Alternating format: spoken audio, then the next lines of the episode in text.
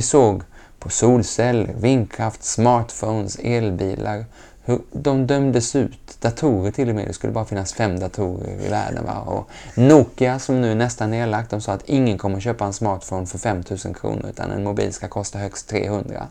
Och allt det där var fel. Och när ketchup-effekten väl kommer så kommer den med väldig kraft. Men ketchup-effekten kräver, och det glöms ofta bort, att någon slår och slår och slår i botten på flaskan.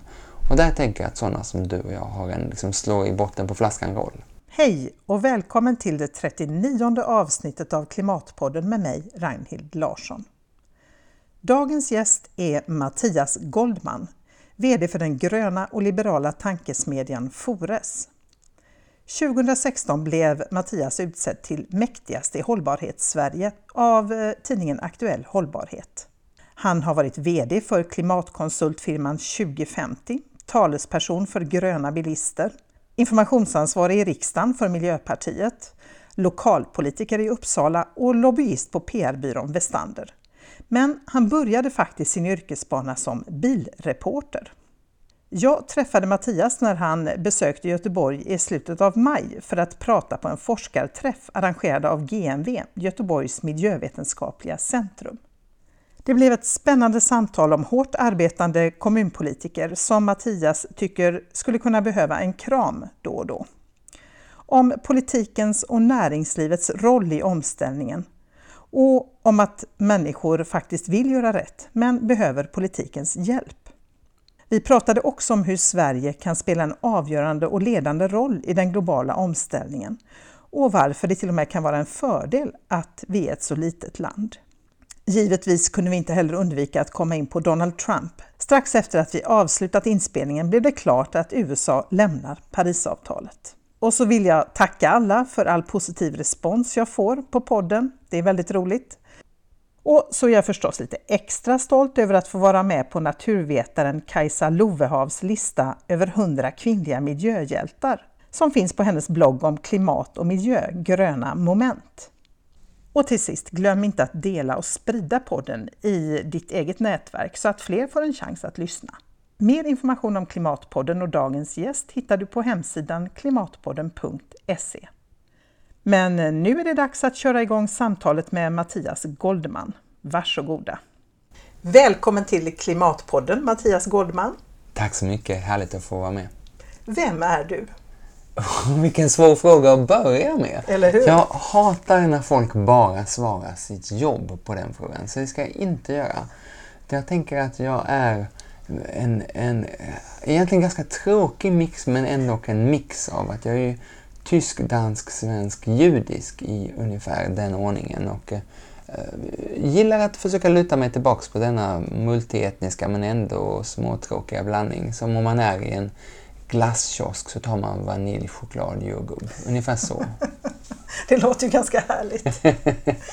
Men eh, vad gör du då när du på dagarna, du är VD för eh, tankesmedjan Fores? Ja men så är det och det berättar ganska lite vad man gör för att få veta vad man gör på en tankesmedja. Ja. Men vi tänker på oss själva som brobyggarna mellan eh, forskningen som måste eh, bli mer relevant i det dagsaktuella samtalet, mellan politiken som måste lyfta sig från eh, SIFO-mätningar och markeringar mot sinsemellan mellan partierna. Och näringslivet till slut som ju behöver bli en bättre samhällsaktör och behöver bättre förstå vad som förväntas av dem i framtiden. Däremellan finns vi och det är både en essens av vad jag har hållit på tidigare och eh, dessutom det roligaste man överhuvudtaget kan göra. Vad är det som är så roligt då? Men just det där att få vara superpolitisk men inte behöva vara partipolitisk tycker jag är härligt. Att få vara väldigt forskningsnära men inte behöva oroa sig så mycket på att det inte är färdigforskat eller att den sista fotnoten inte riktigt är formulerad. Och få vara väldigt nära näringslivet men själv vara en ideell stiftelse som inte behöver gå med vinst. Den kombon är så underbar. Och så dessutom så jobbar vi mycket med klimatfrågorna som jag tycker är den stora långsiktiga överlevnadsfrågan globalt. Och jobbar mycket med migrations och integrationsfrågan som jag tycker kortsiktigt är frågan som avgör om man kan se sig själv i spegeln med stolthet eller med skam som svensk. Mm. Hur lobbar man för klimatfrågan då? Eh, vi tänker inte på oss själva som lobbyister på, på Fores, men en del av det jobb vi gör, till exempel med 2030-sekretariatet, är ganska nära lobbying. För vi tog fasta på att sju partier står för en fossiloberoende fordonsflotta. Samlade ett gäng, en coalition of the willing, och sa att det här ska vi se till att det blir av. Och då, då är man ju tangerande nära lobbying, bara det att man lobbar inte åt någon enskild aktör som lobbyisterna gör, utan man lobbar för en högre sak. Och eh, när det funkar som bäst, då tänker jag att det egentligen är när man hittar väldigt många andra mål som man också jobbar för. När man bara fokuserar på klimatet så är det lätt hänt att många tycker att ja, men vi är ett ganska litet land och den här frågan är så global och den är långt borta. Så då kokar man ner det till någonting som känns närmare folks vardag och närmare partipolitikens eh, behov av att profilera sig. Närmare våra grannars behov av att visa upp sig för varann och närmare alla våra önskemål om att ha ett bekvämare och enklare liv. Mm. Vad, vi kommer att återkomma till det här, till Sveriges roll, men jag, jag är nyfiken på hur blev du engagerad i klimatfrågan? Vad var det som väckte ditt engagemang? Det är svårt att säga därför att det har på något sätt alltid funnits där. Jag är uppväxt gröna vågare och vi hade kompost innan ordet var uppfunnet hemma i Lund och brorsan och jag hade egna små trädgårdslotter. Och så samtidigt var jag väldigt bilintresserad. Jag är född i Genève där det finns världens största årliga bilutställning. Så att mina första eh, stapplande steg att försöka försörja mig själv var som biljournalist. Okay. Långt innan jag hade körkort. Och jag skrev aldrig om bilar så, utan jag skrev om bilindustrin som är en fantastiskt stimulerande och spännande industri.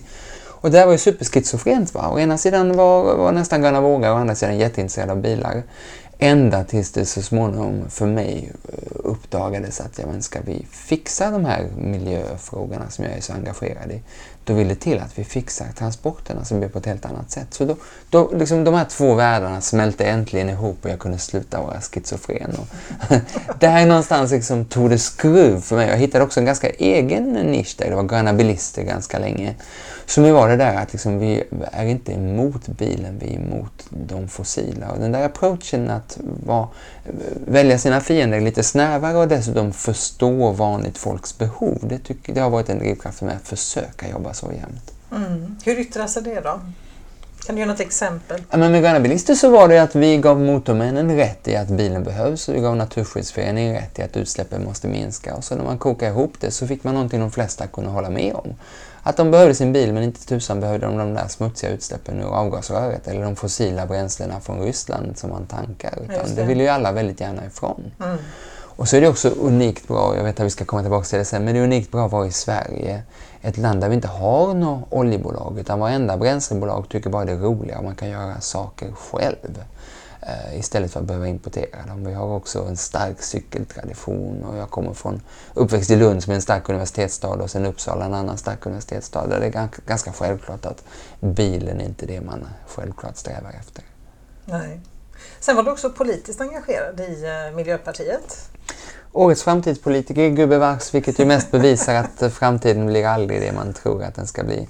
Men eh, Eh, det åttonde partiet kanske inte, men de andra sju partiet när jag träffar en människa som är kommunpolitiker eller riksdagspolitiker, men mest kommunpolitiker, så vill jag verkligen ge dem en varm kram därför att det är ett ofta otacksamt slitjobb. Folk tror man får fantastiska löner men man får bara timmarvode på, på mötena och otroliga handlingar som man måste ta sig igenom. Många sena kvällar på fullmäktige möten och nämndmöten och liknande. Och jag har fortfarande glädje av det varje dag, att jag gjorde kommunpolitiken och att jag var informationsansvarig på riksdagen för, för, för Miljöpartiet då. Och så tänker jag, när det närmar sig valrörelse, tänk om man skulle engagera sig igen. Och så tänker jag varje gång, ah, nästa gång kanske, därför att det är för otacksamt till slut. Men, men jag rekommenderar alla att göra det ett tag. Där, det är ganska mycket med Miljöpartiet som jag inte imponeras av nu, men en sak som Miljöpartiet har otroligt rätt i, det är att man håller på med politik ett tag och sen gör man något annat. Om man själv vill och andra går med på det, då kan man komma tillbaks. Men vi behöver inte några få livstidspolitiker och proffspolitiker utan vi behöver väldigt många som engagerar sig. Mm. Men eh, många är ju arga på Miljöpartiet nu, alltså väldigt besvikna på Miljöpartiet och tycker att ja, de har svikit sina löften och sådär. Jag tänker att eh, det avgörande för mig är att eh, vi som Sverige, som ett litet land, är ett föregångsland och det avgörande för mig är att räkna på hur blev det med vår klimatpåverkan då. Och där ser vi att Sveriges långa utsläppsminskning, den har stannat av. de här målen som vi har för 2030 och 2045, våra egna indikatorer som vi tar fram, men också SCBs och Naturvårdsverkets statistik visar att det blir jättesvårt att nå.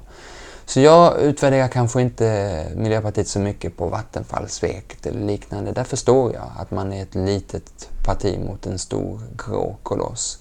Men när jag funderar på vad de åstadkommit och jag ser att det blev ingen skjuts på utsläppsminskningarna. Det blev en del stolta satsningar som miljöpartister kan skryta om. Men till slut bryr jag mig bara om utsläppen och där imponeras jag ju faktiskt inte av vad de åstadkommit. Nej. Vad är, vad är det som oroar dig mest när det gäller klimatet då? Klimatförändringarna? Ja, men vi är väl alla oroliga att vi är mycket nära en tipping point nu där det faktiskt inte går att hejda, där man är för långt ner på rutschbanan för att kunna klättra upp igen. Och eh, där vi ser att eh, det som förut var is är nu mörk jord och då reflekteras jordytan sämre, då påskyndas uppvärmningen.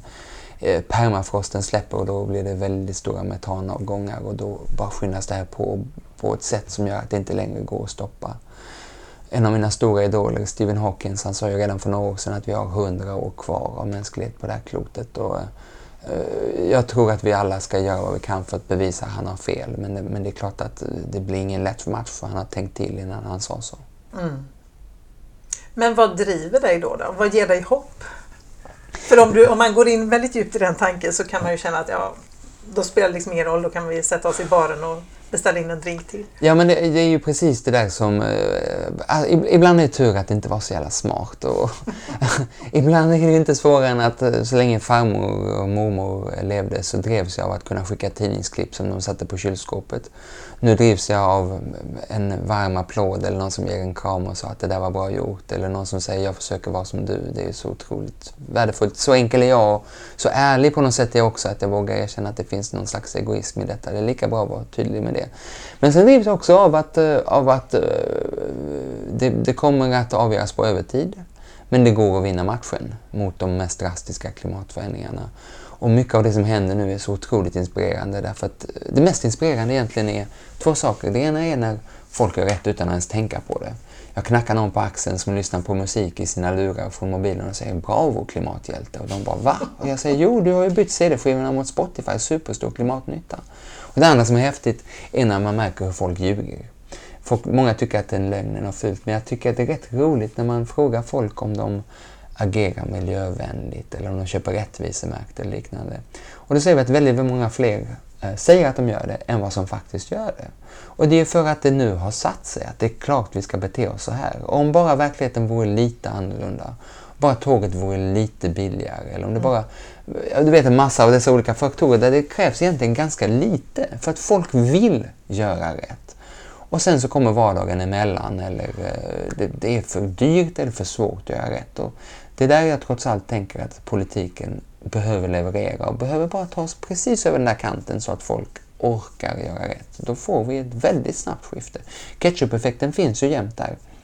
Vi såg på solceller, vindkraft, smartphones, elbilar hur de dömdes ut. Datorer till och med. Det skulle bara finnas fem datorer i världen. Va? Och Nokia som nu är nästan nedlagt, de sa att ingen kommer köpa en smartphone för 5000 kronor utan en mobil ska kosta högst 300.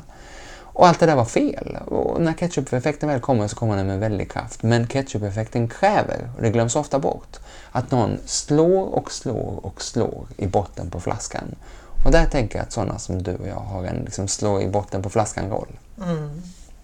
Och vilken roll kan då Sverige spela? Alltså, vi är ett litet land och många använder det som ett argument för att ja, men det spelar liksom ingen roll vad vi gör. Så att vi, vi vi är det här lilla futtiga landet här uppe i norr. Och jag älskar att vi är ett litet land och ja. vi är verkligen futtiga. 0,15 procent av världens samlade klimatpåverkan står vi för. Så lite så att om vi teoretiskt nollade skulle det inte ens märkas. Och det är det som är det häftiga och den här klimatlagen som nu kommer eh, där slår de sju partierna som står bakom det att det är ju det som är själva drivkraften.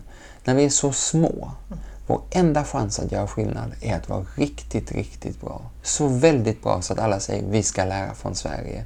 Sverige är vår eh, rollmodell, Sverige är de vi tar efter, Sverige är den globala helpdesken man vänder sig till. Och detsamma hör vi faktiskt från svensk industri som säger att det är så vi skapar en exportmarknad för våra produkter om Sverige, den lilla marknaden, är den gröna marknaden. Du hade något exempel där med Scania lastbilar där som var lite spännande. Det är så häftigt, våra vänner i Södertälje, de berättar att de säljer bara 3% av sina bussar och lastbilar i Sverige. De kan ha eller mista den marknaden om det inte är så att den är först ut. Så i Södertälje så rullar nu världens första kontinuerligt induktivt laddade elbuss. Man behöver inte veta vad det är, man behöver bara förstå att det där låter det är framtid. Bra. Det är bra, det låter framtid. Och så behöver man förstå att det finns bara en. Mm. Men så var Kalifornien på besök och tittade på detta och de sa att det där ska vi ha jättemånga av. Och Peking är på besök och säger samma sak och Johannesburg och stad efter stad. Och det där skapar ju då stora volymer och massor av arbetstillfällen och massor av exportmiljarder. Och inget av det hade hänt om inte Sverige var först ut att ställa om. Det är bara så som vi kan få relevans och det är så häftigt när vi ser väldigt många andra länder där industrin fortfarande agerar bromskloss. Det har blivit bättre med Parisavtalet men jag vet nästan inget annat land där liksom industrin så genomgående är med på noterna som här i Sverige. Mm. Och det är kanske turen att vi inte har egna oljekällor och liknande som ja, spelar in. Ja, just det. vad, alltså, de, du pratar om här i Parisavtalet och så här. Alltså de här stora avtalen, vad spelar de för roll i arbetet med att eh, mildra klimatförändringarna eller stoppa dem? Eller stoppa dem är svårt, men att mildra effekterna av dem. Men om man ser någon slags timglas framför sig så tänker jag att eh, längst ner i timglaset har vi det helt lokala arbetet. Det som kanske inte ens är kommunalt utan det man gör på sin egen arbetsplats, i sin egen vardag. Det är ofta underskattat. Man tänker att man är så himla lite, men alltid inspirerar man någon. Sen i midjan har vi nationalstaten som alltmer överskattas. Där vi vet att vår egen handlingsfrihet är kanske kringskuren av att vi är medlemmar i EU och liknande. Och så högst ut i timglaset har vi de större sammanhangen. När hela världen enas. Det betyder ju så otroligt mycket att all världens länder har ställt sig bakom detta Parisavtal. Och till och med när Trump nu utmanade så innebär det bara att vi ännu starkare säger att vi gemensamt är överens om att det här är den stora utmaningen som vi ska klara av tillsammans. Och du tycker till och med att det är, det är bra att Trump inte nu vill, vill dra sig ur, att han vill dra sig ur eh, Parisavtalet? Alltså man måste ju börja med att säga att Trump är en fruktansvärd destruktiv klimatmarodör. Och när han är så genomrutten, då är han den där människan man inte vill ha med i sällskapet. För att han bara förstör, försinkar och förhalar och förnedrar. Och då är det bättre att hålla honom utanför då, så får vi andra jobba vidare. Men utgångspunkten är ju där tyvärr att Trump förstör mycket genom att vara Trump. Mm. Och då är det bättre att han inte kan förstöra klimatavtalet inifrån. Vi har sett mycket mindre destruktiva krafter eh, som inte har varit direkt klimatskeptiska som Trump ju är, men som ändå inte har velat göra särskilt mycket. Australien och Kanada har sett hur mycket de kan förstöra i klimatförhandlingarna.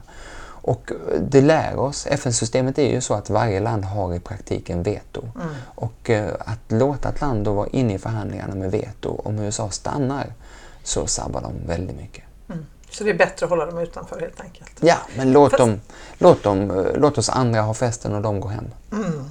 Vad ser du som den viktigaste åtgärden då att göra när det gäller klimatet? Det är förstås många olika saker, men Dels att klara att ha två bollar i luften och det har svidit för mig att erkänna det men vi måste förutom utsläppsminskningar klara att prata klimatanpassning. För mig var det väldigt länge att ge upp att säga att vi måste anpassa till ett förändrat klimat. Men nu är vi där. Jag tänkte ju säga det är ju redan här, det förändrade ja, klimatet. Ja. Att... Inte bara på södra havsöar som sjunker utan även i, i Sverige ser vi uh, havsstigningar, våldsammare stormar, skog som ser ut som plockepinn.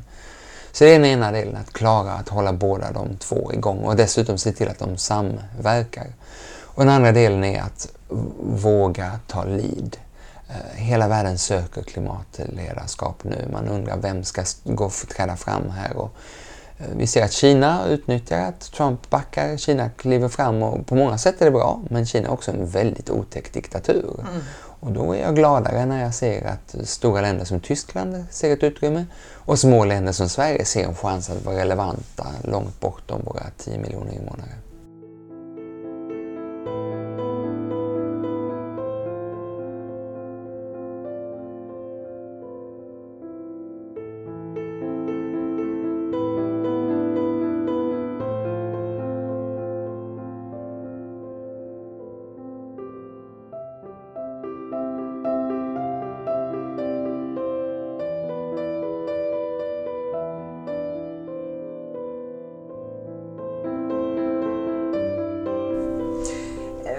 Din, med tanke på den här oron som folk då ändå känner mm. och jag menar flera undersökningar nu visar att eh, vi är väldigt oroliga för det med klimatförändringarna. Och ändå så är till exempel Miljöpartiet inte ett speciellt stort parti, snarare ett försvinnande litet parti. Hur kommer det sig? Jag tror att det är väldigt bra för klimatet att Miljöpartiet inte har ensam rätt på att vara klimatuttolkare. Jag kommer ihåg att på min tid, när jag höll på med Miljöpartiet, så var ju Maria Wetterstrand språkare väldigt, väldigt duktig. Och jag vet att de andra partierna skydde klimatfrågan då, därför att de visste att varje gång de pratade klimat så gynnade det bara Miljöpartiet. Nu har vi en öppen fight. Vi har en del mätningar som säger att Centerpartiet till och med har gått om att vara det mest miljö och klimatmässigt trovärdiga partiet. Vi har Vänsterpartiet som jag i och för sig aldrig röstat på men skulle säga har den mest radikala klimatpolitiken. Vi har Liberalerna som jag skulle säga har gjort den största uppryckningen.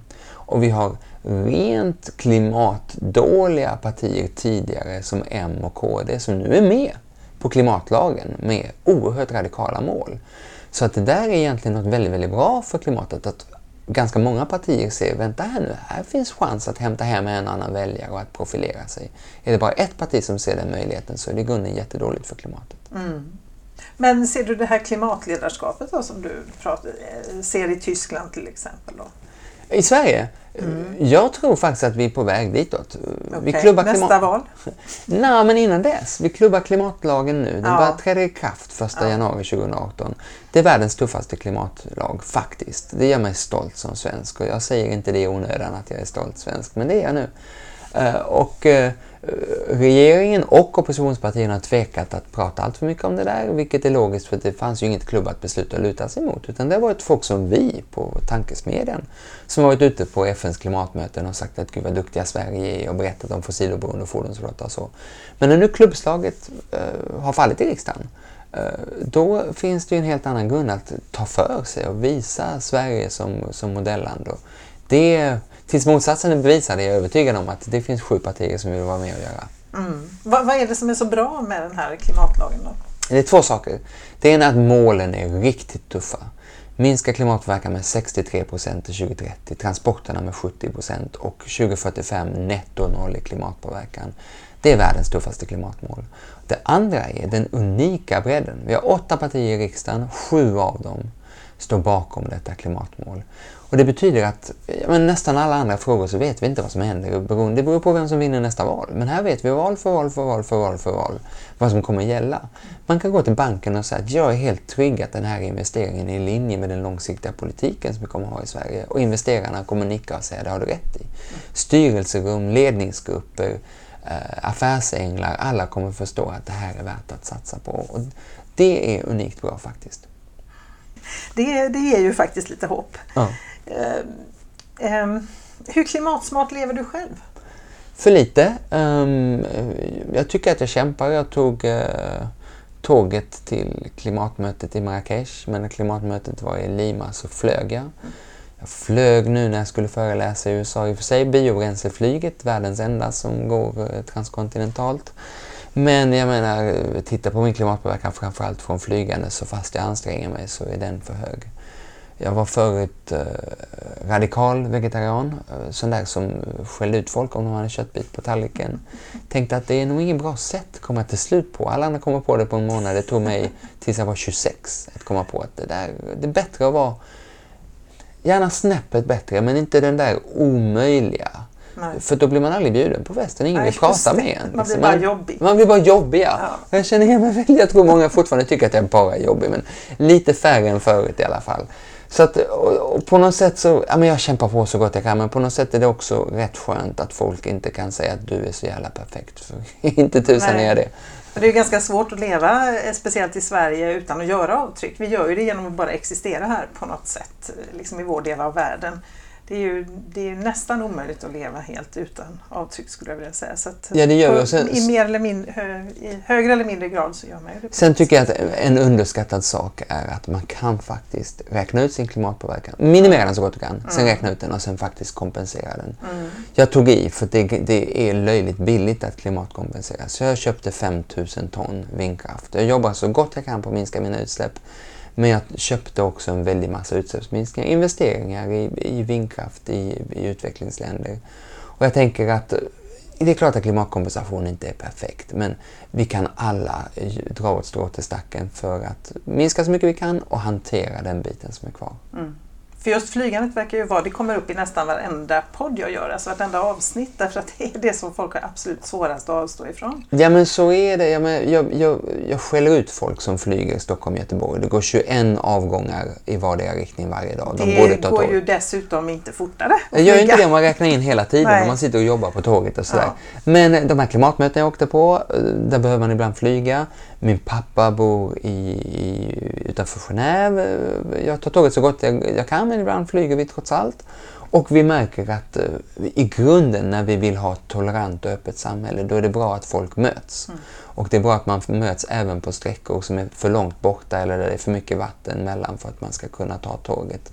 Så vi måste hantera flyget. Det är klart det måste minska. Men jag märker några partier som tror att hela svaret är att minska flygandet. Nej, vi behöver också väldigt snabbt ställa om till ett grönare flyg för att vi kommer att flyga i framtiden också. Mm. Men det handlar ju om volymer också tänker jag. Hur ofta flyger jag? Ja det gör det. Dessa, alltså dels, dels inrikesflygningarna där väldigt mycket kan tas bort och dels folk som åker på shoppingresa till New York because you're worth it. Nej, ingen är värd det. det. Det är klart vi inte ska hålla på. Men beställ grejerna på nätet och, och så gör något roligt hemma vid istället. Mm, mm.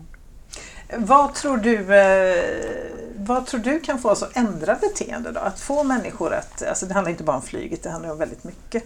Men jag tänker, vad, för, att förändra människors beteende är ju bland det svåraste tänker jag vi kan eh, göra. Man måste ju vilja själv mm. och, och, min grund, jag brukar utgå från egna misstag som vi i miljörörelsen har gjort. Vi har testat att skuldbelägga. Det funkar väldigt dåligt, då hittar man en ursäkt för att eh, förklara varför man gör. Vi har testat att skälla ut. Så vet, först så skaffade man en miljöbil.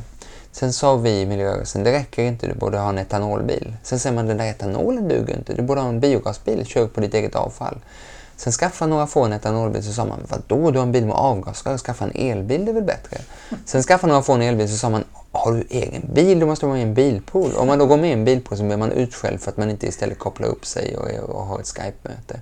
Och när liksom folk känner att de konsekvent får reda på att det du gör är inte tillräckligt. Så till slut så är vi en liten klubb av världsförbättrare kvar. Så istället tror jag vi måste trigga människans olika drivkrafter som är dels att ha ett bekvämt liv, där tror jag bilpool till exempel är ett bra exempel på det. Och dels att uh, pinsamt erkänna att vi vill gärna imponera, på, på, gärna vara minst lika bra som andra och ännu hellre ett snäpp bättre.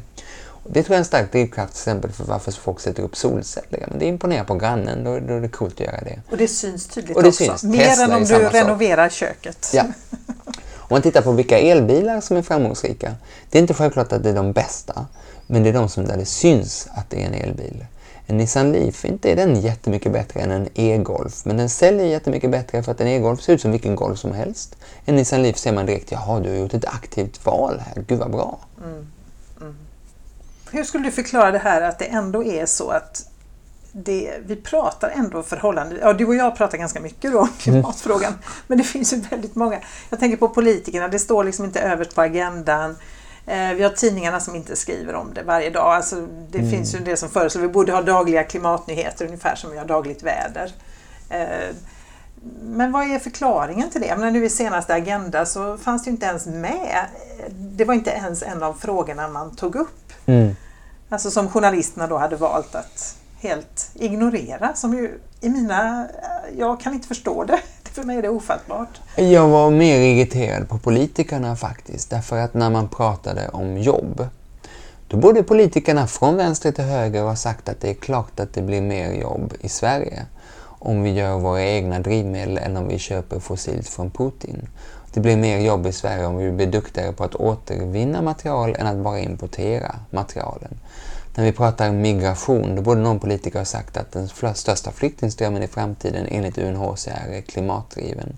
Och på område efter område så är det svårt att ducka för klimatfrågan om man vill. Mm. Men om man som nästan alla politiker, programledarna också, men jag är mer irriterad på politikerna, tänker klimat som ett stuprör och tänker att det är bara en fråga, mm. ja, men då, får man, då får man tolerera att väldigt många samtal handlar om något annat.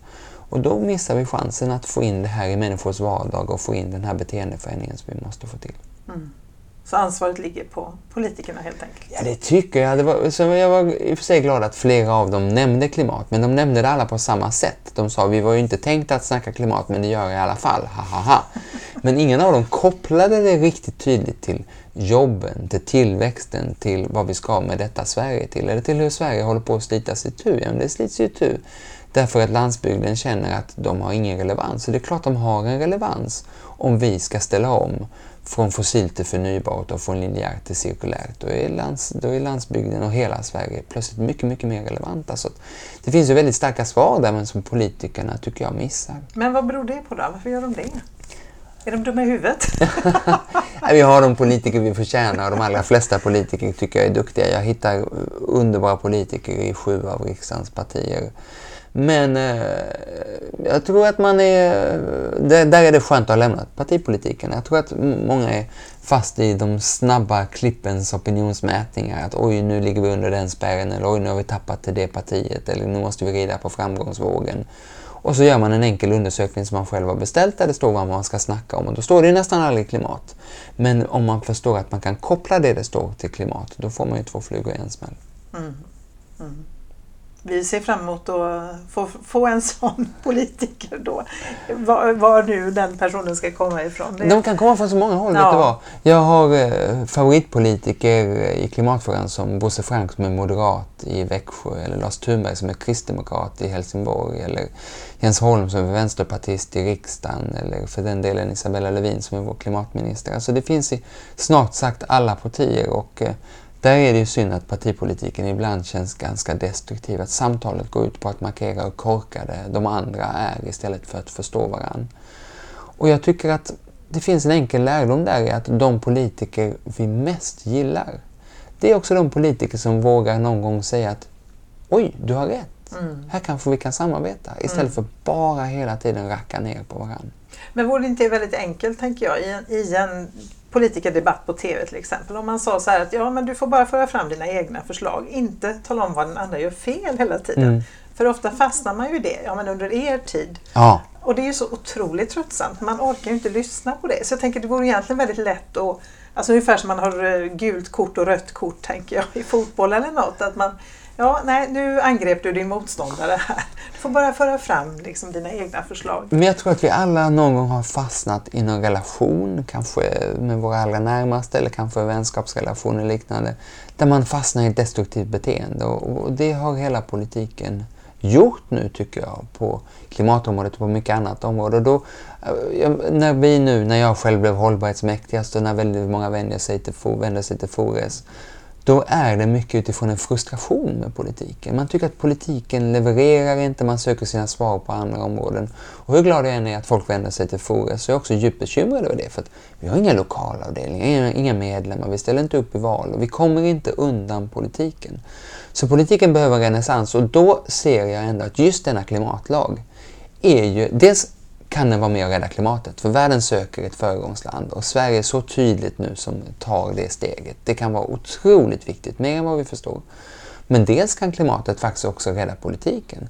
För just när vi tycker att politik, politiken och politikerna de bara käbblar och de kan inte komma överens, så kommer sju partier överens. De lägger fram superradikala, långsiktiga förslag. Allt det vi sa att de inte kunde, det kunde de det tror jag, jag blir nästan, nästan tårögd när jag tänker på det, att politiken kan fortfarande faktiskt.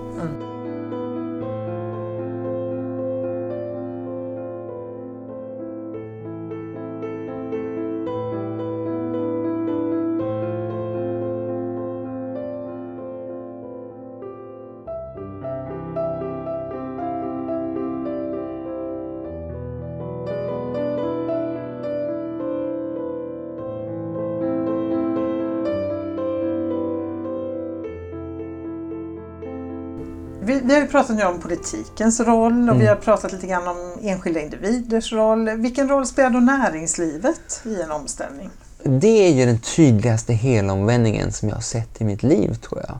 Från Köpenhamn, misslyckandet för klimatet, där näringslivet bromsade och sabbade, till Parisavtalet där näringslivet var så aktivt pådrivande. Och när det sen höll på att krackelera året efter i Marrakesh så var det näringslivet som tydligast stod på att vi behöver en långsiktig färdplan. Och there's no business on a dead planet som, som några drastiskt uttryckte sig. Och eh, allra tydligast skulle jag säga att det, är i, att det faktiskt är i Sverige. När jag nu hyllar de här sju partierna som lägger fram eh, klimatlagen ska man veta att det hade varit fullständigt omöjligt om vi haft ett bromsande näringsliv. Men vi har ett påhejande och pådrivande näringsliv. Och det gör mitt jobb och politikens jobb så väldigt både roligt och enkelt. Mm. Kan du ge något exempel där på vad näringslivet gör eller någon enskild aktör eller så? Först tänkte jag att jag inte skulle skryta, men jag gör det i alla fall. Gör det. Vi har ju det här 2030-sekretariatet för en fossiloberoende fordonsflotta.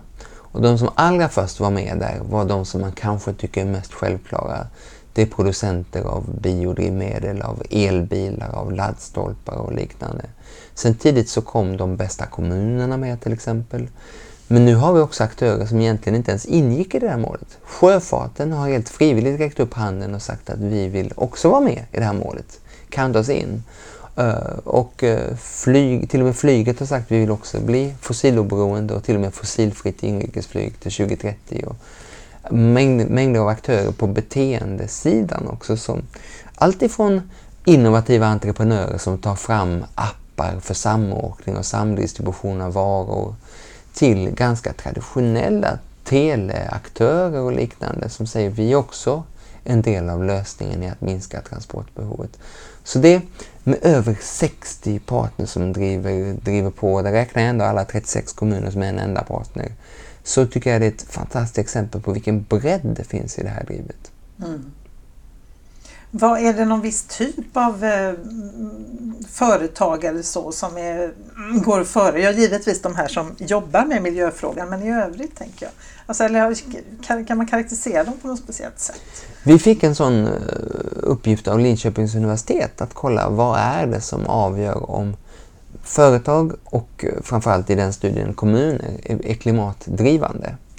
Och så granskade vi eh, just kommunerna då. Är det något visst parti som leder? Är de kommunen rik eller fattig? Har en, parti, en kommunledning i majoritet eller i minoritet? Eh, glesbygd eller storstad? Inget av detta var utslagsgivande. Det enda som var utslagsgivande var om det fanns ledande kommunpolitiker och ledande tjänstemän. Och sen så stämde vi av det där lite mer informellt med näringslivet och kollade med vilka, vad är det som avgör att ett stort bolag som Preem eller ett annat stort bolag som Scania är så pådrivande. Och när man snackar med folk, lite mer mellan skål och vägg, det är ingen mikrofon påslagen, så säger de alla att ja, det beror på det personen ser det så. Det är vdns drivkraft eller det är hållbarhetschefen som verkligen har fått gehör från ledningen. Eller allt oftare, det är medarbetarna och inte minst behovet av att rekrytera de bästa medarbetarna nästa gång mm. som är drivande. Rätt sällan att man ser att det är riktigt är kunddrivet. Det har folk för sig, men det kommer sen. Det går ofta ganska långsamt. Utan just det där att få de allra bästa och brightaste och mest engagerade medarbetarna är väldigt, väldigt starkt nu. Mm, intressant. Ja, apropå orsaker då till att agera klimatsmart så pratade du tidigare idag på ett föredrag som jag lyssnade på det här om att ibland kan ju folk ha väldigt, alltså, inte speciellt altruistiska skäl så att mm. säga för att satsa på ett bättre klimat eller en klimatsmart verksamhet utan det kan vara väldigt eh, ja, egoistiska skäl mm. hur man nu ska säga. Eh, kan du ge några sådana exempel? Man kan gå ända på, på världens folkrikaste land. Att Kina agerar ju klimatsmart av strikt egoistiska skäl. När de, det går ju inte ens att skaffa en eh, förbränningsmotordriven moppe i Peking utan det tillåts bara elmopeder och är världsledande på elbilar och världsledande nu snart på sol och vind och på att fasa ut kolet. Och de gör ju inte det för klimatet utan de gör det därför att arbetskraften eh, mår så illa. De tappar så mycket produktivitet på att luftföreningen är så enorm att folk eh, inte alltid kan gå till jobbet. Man stannar hemma både från skola och från jobb på grund av den jättedåliga luften. Så att det är ju egoism på 1,5 miljarder människor nivå. Mm. Och sen egoism på den egna hushållsnivån, det ser vi ju hur solcellerna växer fram i landet. Att det växer inte framförallt fram där solläget är bäst. Det växer heller inte fram lika över landet utan det växer fram där det tidigt är någon som vill att imponera på sina grannar och sen vill de andra grannarna imponera på sina grannar. Och det där egoismen är inte en ekonomisk egoism. Vi överdriver ofta hur viktigt det är att saker ska vara lönsamma. Nästan inget av de viktiga sakerna vi gör i livet är lönsamma. Jag har inte ens reflekterat om min fru är lönsam eller inte, om min bostad är lönsam eller inte. inte. Nej, precis. Va? Så liksom, inga viktiga val är lönsamma. Ändå tror vi hela tiden att vi är så rationella och lönsamma. Det är lika bra att lägga det åt sidan. Vi är rationella på en helt annan nivå. Vi gör det rationella valet, vad imponerar på min omgivning? Och nu är det solceller på taket och en Tesla i garageuppfarten som imponerar. Så det är status. Det är status och det är en del som fnyser åt det men jag tycker det är fantastiskt häftigt att det gröna har blivit status. Mm. Och, egentligen, och det du säger är ju egentligen att det spelar egentligen ingen roll av vilket skäl man gör en klimatsmart gärning. Huvudsaken är att man gör det så att säga. Eller en klimatsmart handling. Jag är nästan beredd att dra det ett snäpp till och ja. säga att det sämsta är när det är av altruistiska skäl. För gör man det av altruistiska skäl, för någon annans skull, ja, men då kommer så småningom den egna verkligheten emellan. Man måste se till sitt eget hem först. Man är sig själv närmast och ens plånbok är nog aldrig riktigt så tjock som man hade önskat sig. Så det är egentligen mycket bättre om det görs av egoistiska skäl. Mm.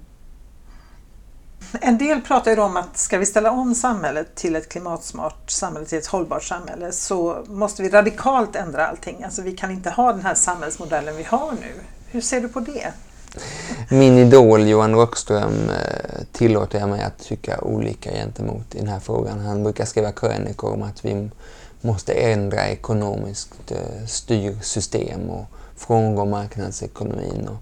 jag kan ge honom rätt över en pilsner, men vi har bråttom i klimatfrågan nu. Inte tusan tror någon att vi kan ändra ekonomiskt system inom de närmaste åren och uppfinna något helt nytt istället för marknadsekonomin. Det är ju inte planekonomin vi heller vill ha, utan det är något tredje.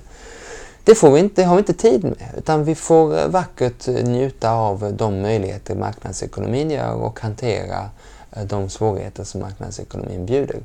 Och där har vi kommit rätt långt på vägen därför att eh, ett av Trumps stora problem nu till exempel är att den kol och den fossila gas han kämpar för, den är inte lönsam. Och man kan bara subventionera det fossila så mycket innan det svider i statskassan. Så när vi nu har nått break-even eller till och med bättre än så för sol och vind i stora delar av världen och för biobränslena och definitivt för de smarta delande lösningarna eller för lösningar som handlar om att koppla upp sig istället för att fysiskt resa. Ja, men då kommer väldigt mycket att hända. Så jag vill utnyttja marknadsekonomin som språngbräda. Inte så mycket för att jag är liberal utan för att vi har bråttom. Hur ser din vision ut av ett hållbart samhälle? Det är en superbra fråga därför att när man säger så här vi ska minska klimatpåverkan med 85 procent så den där minskningen är ju ingen vision. Martin Luther King sa ju inte I have a problem, han sa I have a dream. Kennedy minns vi för att han sa att vi ska till månen innan det här årtiondet är slut. Så eh, min vision, jag tillåter mig egentligen inte ha en egen utan jag omfamnar visionen som politiken har sagt att vi ska vara ett av världens första, helst världens första fossilfria välfärdsland. Vi ska ha en fossilfri fordonsflotta. Vi ska vara det land som hela världen vänder sig till och säger det här är modellandet. Jag har länge nästan äcklats av nationalstaten. En nationalstat är i grunden ett misslyckande. Vi kunde inte komma överens med våra grannar tillräckligt väl så vi inrättade en gräns och satte kanske rent av upp en mur. Men nu plötsligt ser jag någon tjusning i den där kampen mellan länder. Där det är ju verkligen game on nu vilket land som ska vara bäst på klimat. Andra länder har liknande. positiv tävling. Fantastiskt va? Vi behöver tävla, åtminstone vi medelålders män va? Och då ser vi att Nederländerna, Danmark, Storbritannien, Tyskland, länder som Indien har supertuffa klimatmål allihop och alla gör det av egoistiska skäl igen. Därför att de vet att ska vi alla samma väg vandra, då är det bäst att vara längst fram i ledet. Så den kampen, och det är min vision att, att uh, vara var liksom först ut där. Mm. Min vision i, en, i ett par år är att äntligen få vara riktigt stolt över att vara svensk. Så det blir ett bra land att leva i då, helt enkelt? Du ser inte att vi ska eh, behöva leva ett väldigt påvert liv då på grund av att vi ska eh, leva hållbart? Jag såg något parti som sa ändra livsstil, inte klimat. Och de flesta är inte beredda att ändra livsstil. Men då får man fundera på vad är livsstil? Mm. Min livsstil är att kunna ta mig till Göteborg idag. Men det är ju förstås inte att flyga till Göteborg. min livsstil är att kunna lyssna på den musik jag gillar, men den är inte att behöva köpa det på små runda plastgrejer som man har i bokhyllan. Väldigt mycket av det som är ens livsstil kräver inte alls den klimatpåverkan som man hade förut. Och jag tror att få upplever det som en försakelse om man har tillgång till bil utan att äga den eller om man har all världens musik med sig vart hen man än går. Och väldigt mycket annat som vi bara kommer uppleva som höjd livskvalitet. Och där gör jag bokslut med den gammaldags miljörörelsen som har för sig och fortfarande driver att vi måste uppoffra sig. Det blir en knubb, klubb för inbördes beundran bland försakare och uppoffrare men de får inte med sig något som ens påminner om en majoritet och det måste vi få. Mm. Ja, nej det är, ju, det är ju verkligen, eh, det kan bli en liten egen, egen sekt nästan då så att säga som ägnar sig åt att berömma varandra i bästa fall. Jajamän, vi har nog alla varit i någon ja, form absolut. av sekt. Det kan vara miljörörelsen men det kan också vara golfklubben mm. och allt möjligt annat där man blir så väldigt lika att man bara triggar varandra att bli mer och mer extrem och till slut så är det ingen annan som känner igen sig i det man håller på med.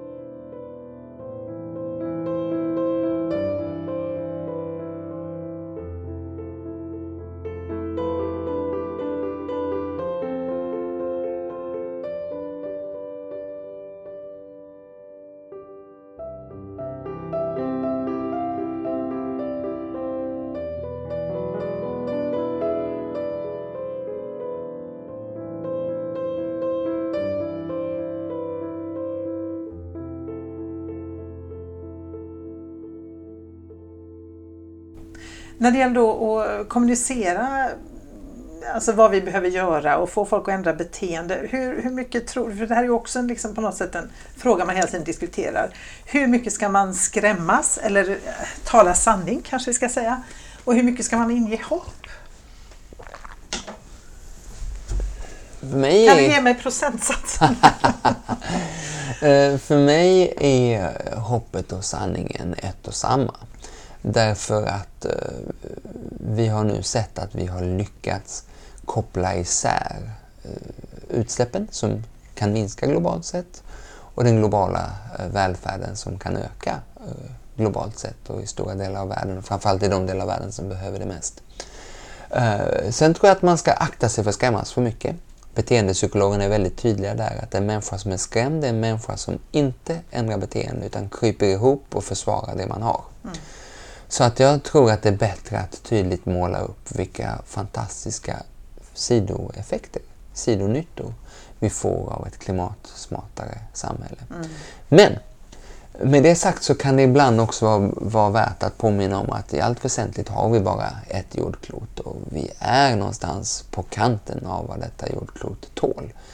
Mycket möjligt att om några generationer kan några få av oss bo på Mars men det är en väldigt ogästvänlig planet som är ganska långt borta och dyrt att ta sig till. Väldigt mycket kostnadseffektivare, snabbare och smartare och trevligare att fixa det här klotet. Mm.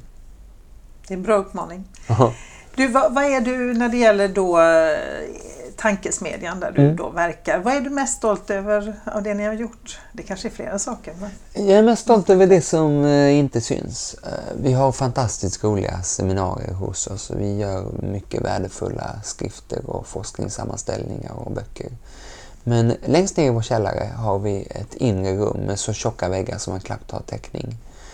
Och där kommer till exempel alla de sju partier som står bakom målet om en fossiloberoende fordonsflotta. Tidiga morgnar, kommer de. Vi dokumenterar inte vad som sägs. Vi berättar inte mer än att de har varit där.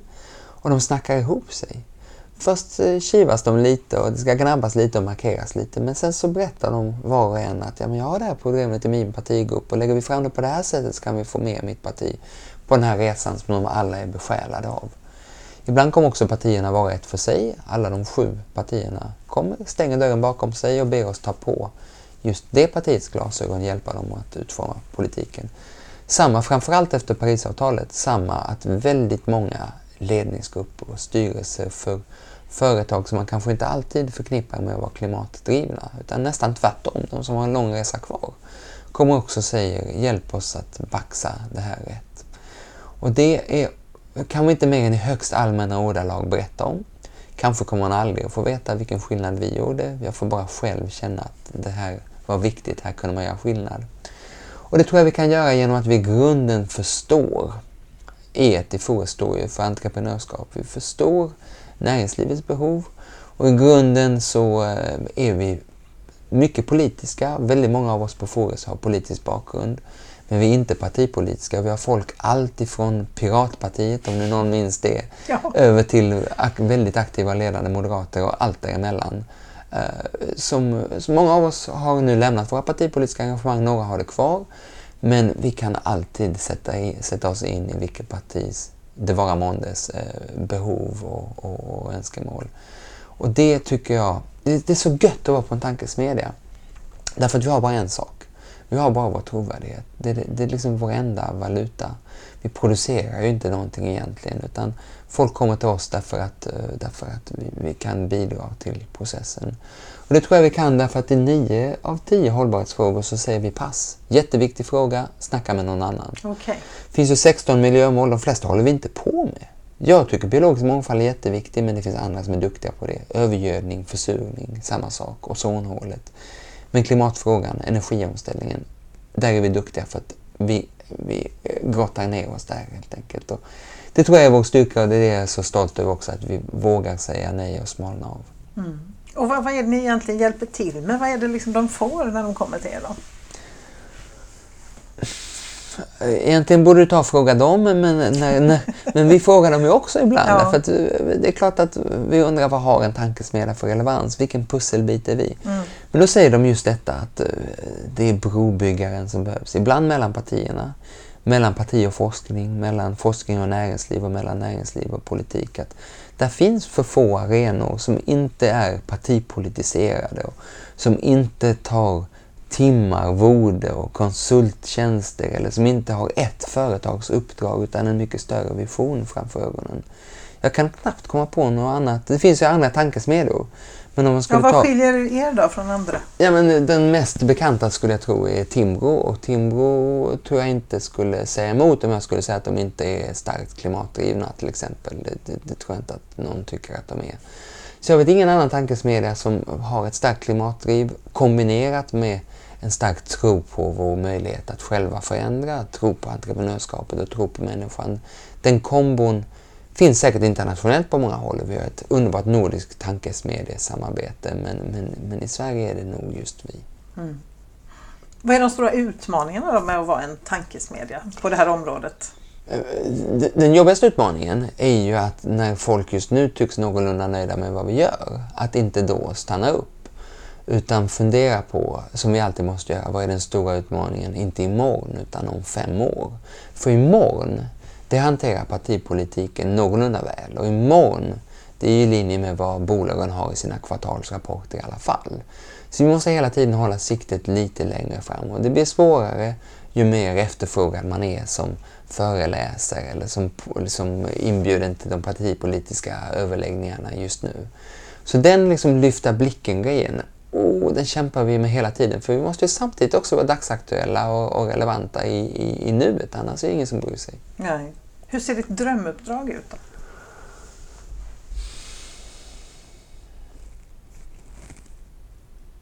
Mitt drömuppdrag är att uh, verkligen göra Sverige till den globala helpdesken som alla vänder sig till.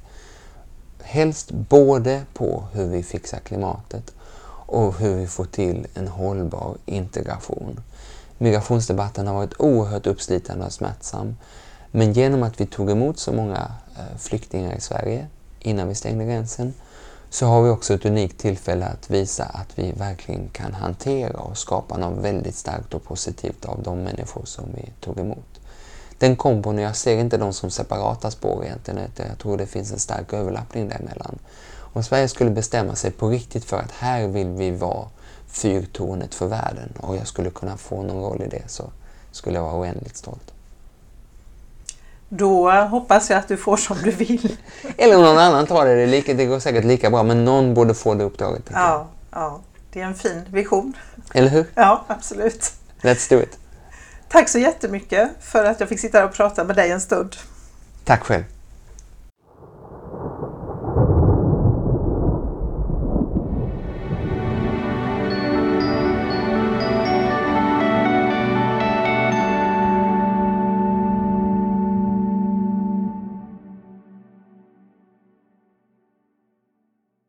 Du har lyssnat på det 39 avsnittet av Klimatpodden som produceras av Konvoj Produktion. Dagens gäst var Mattias Goldman. Musik var Reaching av David Hollandsworth. Signaturmelodin är skapad av Tommy Caso och loggan till Klimatpodden av Hannes Larsson. Följ Klimatpodden på Twitter och Facebook och prenumerera via iTunes, Soundcloud eller andra ställen där poddar finns.